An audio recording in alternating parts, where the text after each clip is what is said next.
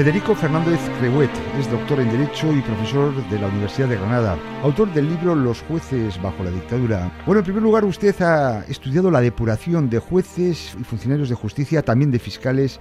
¿Qué descubre, qué ha descubierto en esos expedientes que ha investigado sobre esa situación que se produjo en la guerra y en la dictadura? Como jurista, quizás lo que me llamó la atención es que la idea que yo tenía de la depuración de los jueces y magistrados y fiscales era completamente distinta. Yo pensaba que había habido una ley que realmente la hubo cuando gana el mal llamado bando franquista y que a partir de ahí se había producido una depuración. Pero, en fin, lo que me encuentro es que no hay una ley previa, sino que ya en la propia guerra civil, conforme el Frente Nacional va ganando territorio, va depurando y depura sin ningún tipo de, legislación, es decir, con tribunales, digamos, ad hoc. Y no solo eso, sino que además existe una depuración también por los propios eh, por la propia jurisdicción militar. Y luego, posteriormente, existe una jurisdicción que podríamos llamar, entre comillas, legal, es decir, que está regulada por una ley. Es decir, a un juez se lo podía llegar a juzgar o se lo podría llevar a, a depurar hasta tres veces seguidas, y las dos primeras sin ningún tipo de norma previa. Eso es lo que me llamó a mí mucho la atención, ¿no? Pudiera ser un poco la situación, otro de los colectivos más depurados durante la guerra fueron los maestros, ¿no? Y en el caso de los maestros había quien apuntaba y luego otro disparaba, por, válgame la expresión, ¿no? En este caso de los jueces, ¿quiénes eran los que apuntaban con el dedo? En realidad la depuración fue bastante general, pero más o menos se seguían las mismas prácticas. Se le preguntaba al cura del pueblo, se le preguntaba al farmacéutico, se le preguntaba a gente que estaba en falange, es decir, existía ese tipo de, de chivato existían otros jueces, es decir, en el cuestionario que se le pasaba en la depuración se les preguntaba si ellos conocían a otros jueces que no fueran en ese momento afectos al régimen. Es decir, era una estructura, la verdad, bastante compleja y alambicada la que hacía llevar a cabo este proceso mm, de depuración. ¿Y hasta qué punto esa depuración, luego, a esa depuración le sigue luego una represión? Es que yo creo que después de pensar mucho y nosotros analizamos bueno, fuimos un grupo de gente, ¿no? Porque esto yo solo no lo podría hacer, ¿no? Fuimos eh, cuatro compañeros que fuimos al Archivo General de la Administración y lo que nos dimos cuenta, una de las conclusiones del libro que yo posteriormente escribí, es que no es, no es del todo correcto hablar de depuración. La depuración es una represión, es decir, es una forma de reprimir a la gente. El término de depuración a mí me parece que tiene ya una importante carga connotativa. ¿Y por qué es una represión? Primero por lo que le acabo de comentar anteriormente, ¿no? Porque a alguien se le juzga tres veces. Pero claro, es que hay jueces que empiezan a ser depurados en el año 36 y termina de ser depurado en el año 50 y tanto. Es decir, los tienen 20 años o 18 años siendo constantemente depurados. Por utilizar una expresión kafkiana, en este caso, el proceso, ¿no? Todos recordamos eh, por ejemplo, este, esta obra de Kafka, el proceso se constituye en la propia pena, no es una cosa distinta. Es decir, la depuración es una represión. Por lo tanto, se puede un poco concluir lo que decía el cuñado de Franco, Salvador Suñer, que se fabrica una justicia al revés. Por supuesto, es decir, es una justicia que ni es legal y que la, la única eh, función que tiene es construir un sistema judicial que sea completamente fiel a los principios del movimiento. En este sentido también otra cosa que, quería apuntar es que yo también partía de una concepción un poco bipolar o quizá eh, maniquea, y esto no es lógicamente una justificación, se eh, depura a todos los jueces. Por ejemplo, a Ruiz Jarabo, que fue presidente del Tribunal eh, Supremo, posteriormente, después de la depuración, lógicamente el, el, expediente que se comenzó de depuración acabó de forma positiva, es decir, sin, sin depurarlo, pero estaba sumido en, ese proceso. Entonces, por utilizar la expresión de Hannah Arendt, lo que se está construyendo con esa depuración es una especie de piel de cebolla, donde todo el mundo se depura, pero hay gente que se depura más que otro, para constituir esa fidelidad sin ningún tipo de matices al, al régimen. ¿no? Profesor, ¿cómo se podía aceptar en aquellos tiempos, bueno, por parte de los juristas, tener que redactar un auto, una sentencia, ¿no? una resolución judicial con un lenguaje ya muy concreto? Por ejemplo, a la hora de tener que definir un fusilamiento se hablaba de hemorragia interna o una desaparición se decía que había sido desaparecido a causa del movimiento nacional.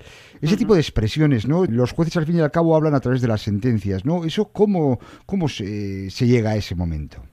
Claro, esto es una de las causas directas de la depuración. Es que, es decir, los jueces que quedan dentro del régimen son los jueces que no están enterrados, y esto no es una metáfora ni una exageración, he tenido expedientes de gente, de jueces que les pegaron un tiro, por ejemplo, algunos que había en, en Sevilla, los metieron en una fosa común, y otros son completamente afectos. Entonces, la, ellos no les cuesta ningún trabajo de alguna forma tamizar su pensamiento jurídico y utilizar este tipo de expresiones completamente afectas al régimen.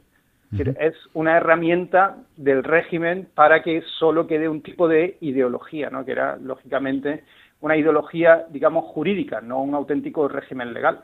Hablamos lógicamente de la guerra entre los años 36 y 39, pero en el 39 comienza ya la, eh, la Segunda Guerra Mundial, pero también tenemos al nazismo ya previamente en Alemania y también al fascismo en Italia. ¿no? Un poco, ¿Se puede hacer una comparativa de cómo se trata a, la, a los responsables judiciales en los diferentes países? ¿Una comparativa con España? Bueno, mm, hasta donde yo sé, no tanto, ¿no? Porque en, en, Alemania lo que sucede es otra cosa un poco distinta. Hay un respeto bastante amplio a la legislación y lo que se trata es que los jueces hagan una interpretación sin límite de esa legislación.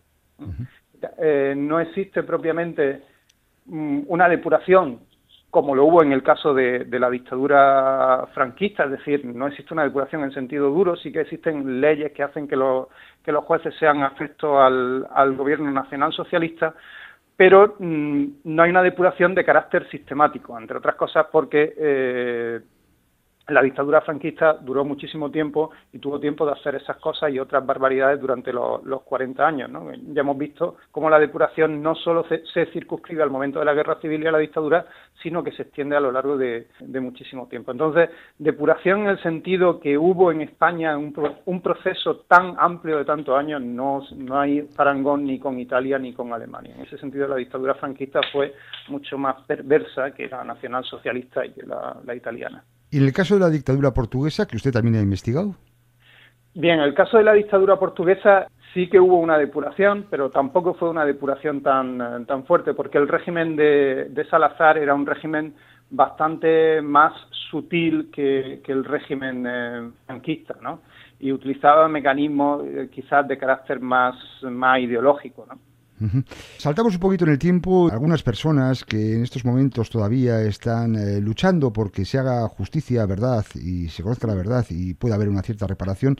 Por ejemplo, hay una persona como Inés García Holgado que fue la primera persona que se creyó por crímenes durante el franquismo en la famosa querella argentina, que dice que la mayoría de los jueces españoles son franquistas. Lo cierto es que 10 de los 16 jueces que formaron parte del famoso Tribunal de Orden Público están ya en estado en el Tribunal Supremo y en la Audiencia Nacional. ¿Esto usted comulga con esta, esta idea? Eso, en principio, para un oyente, digamos, normal, ¿no? Puede parecer una exageración ideológica, pero claro, cuando uno ha estudiado la depuración, se da cuenta precisamente que de aquellos barros, digamos, vienen estos, estos lodos. Es decir, se hizo un sistema judicial completamente fiel a la dictadura. ¿Y qué es lo que ha sucedido? Que ese sistema eh, judicial se ha ido reproduciendo constantemente por medio de las conocidas oposiciones.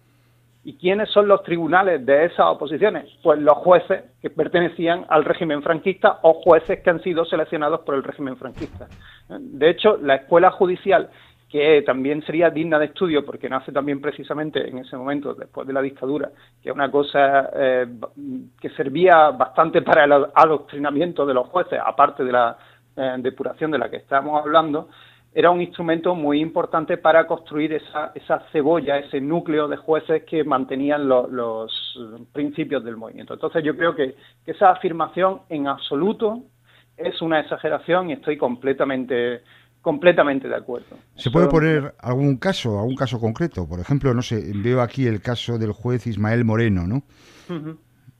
Claro, el, como usted viene, viene apuntando, el Tribunal de Orden Público tiene eh, paralelismo, es decir, no un juez concreto que también, sino el Tribunal de Orden Público tiene paralelismo eh, muy claros con, la, eh, con el Tribunal Supremo, en concreto, o de forma más concreta que con el Tribunal Supremo, con la Audiencia Nacional, que ha acogido muchas competencias que rompen el principio de jurisdicción única o el principio de juez natural. En el caso que ustedes tienen bien presente y a lo mejor esto sea cambiar un poco el tercio, ¿no?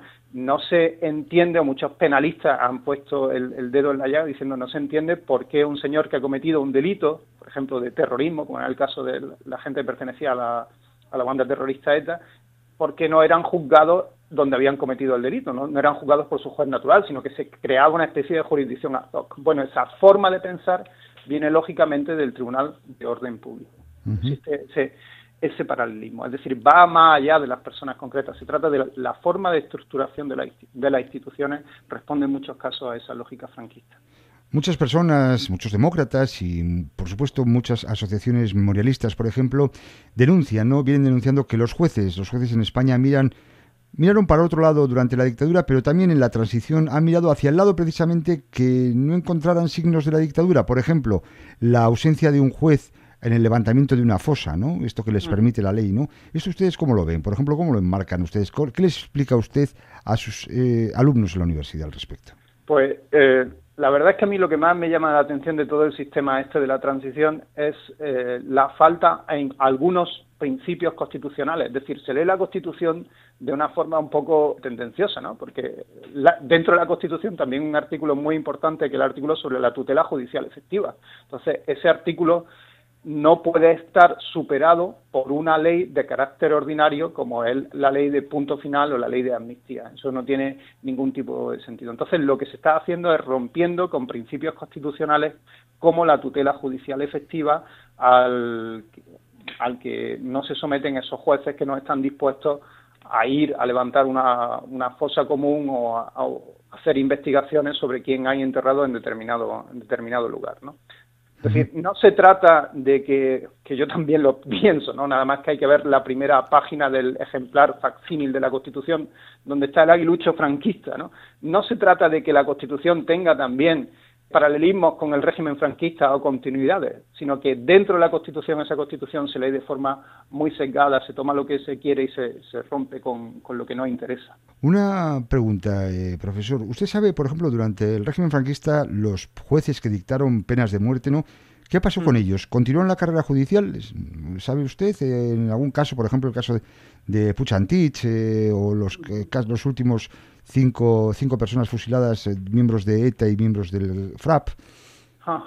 Pues la verdad es que no, no les sé decir de, forma concreta qué ha sucedido con, con, estos jueces.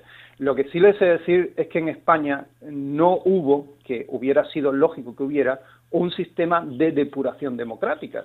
Y esto hubiera evitado muchas de las cuestiones que usted eh, me ha planteado. Es decir, un régimen democrático sí que tiene legitimidad para hacer un sistema de depuración, una investigación, es decir, aquellos jueces que hayan sido afectos a un régimen dictatorial, pues no deben pertenecer lógicamente a un sistema democrático. Esto no se hizo y claro, eso tiene unas consecuencias que vamos a seguir viviendo durante muchos años.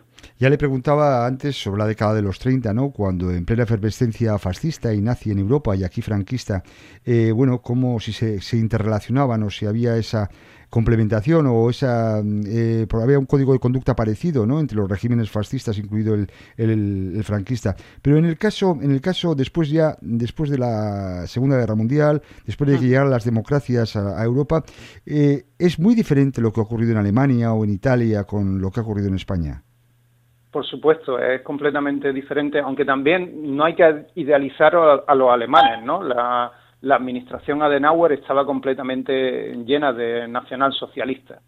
Pero en el ámbito académico que en el que yo me desenvuelvo, pues enseguida los universitarios, los profesores académicos empezaron a hacer frente a lo que había sucedido en el nacionalsocialismo. Es decir, ahí tenemos los textos del famoso filósofo Theodor Adorno, que ya en los años 50 ¿no? escribe su Aufarbeitung der Vergewaltigung y eh, posteriormente en el ámbito jurídico hay dos juristas insignes, eh, Michel Stolais, que escribe su tesis doctoral sobre la cláusula del bien común, explicando cómo las leyes del nacionalsocialismo se tenían que adaptar a esa idea del bien común, y Bernd Reuters, otro insigne historiador, que escribe una tesis también muy interesante diciendo cómo los jueces mantenían las leyes de la República de Weimar y lo que hacían era una interpretación extensa para adaptarla al régimen del nacionalsocialismo. Es decir, eso ya fue denunciado, como digo, filosóficamente en los años 50, del ámbito del derecho en los años 60 y 70 y aquí, sinceramente, pues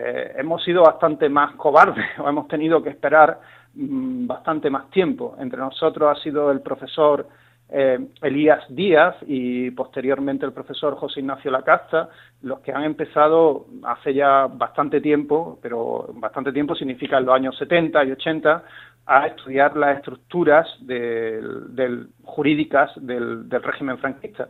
Y después ya hemos llegado un poco en el último momento, cuando ya no había ningún tipo de, peligro y la situación académica era muy, muy cómoda, pues hemos llegado a una generación de gente que tenemos en torno a los 40 años y entonces hemos empezado a estudiar estas cosas. Pero la verdad es que ha habido que esperar en España bastante tiempo, ¿no? Y aún así nos encontramos con ciertas reticencias, ¿no? Por ejemplo, cuando yo he ido al Archivo General de la Administración, y lo primero que quería estudiar ya hace bastante tiempo era el Tribunal de Orden Público. Me encuentro que no se me da acceso a esos archivos. Y yo me quedé realmente estupefacto, ¿no? Pero ¿cómo que no me dan? No, es que hay una ley eh, de protección de datos que hace que usted no pueda investigar lo que hay ahí. Es decir, no estamos en la paradoja de que el sistema democrático está estableciendo mecanismos para que podamos investigar las estructuras de la dictadura. ¿no? Esto es bastante grave. Esto estoy hablando a día de hoy, no estoy hablando de hace 100 años. ¿no? Pues profesor Federico Fernández Creuet, doctor en Derecho y profesor en la Universidad de Granada, le agradezco sinceramente que nos haya eh, bueno, dado un poco de luz sobre la situación de los jueces tanto durante la guerra como durante la dictadura y luego posteriormente la transición. Muchas gracias. Muchas gracias a ustedes.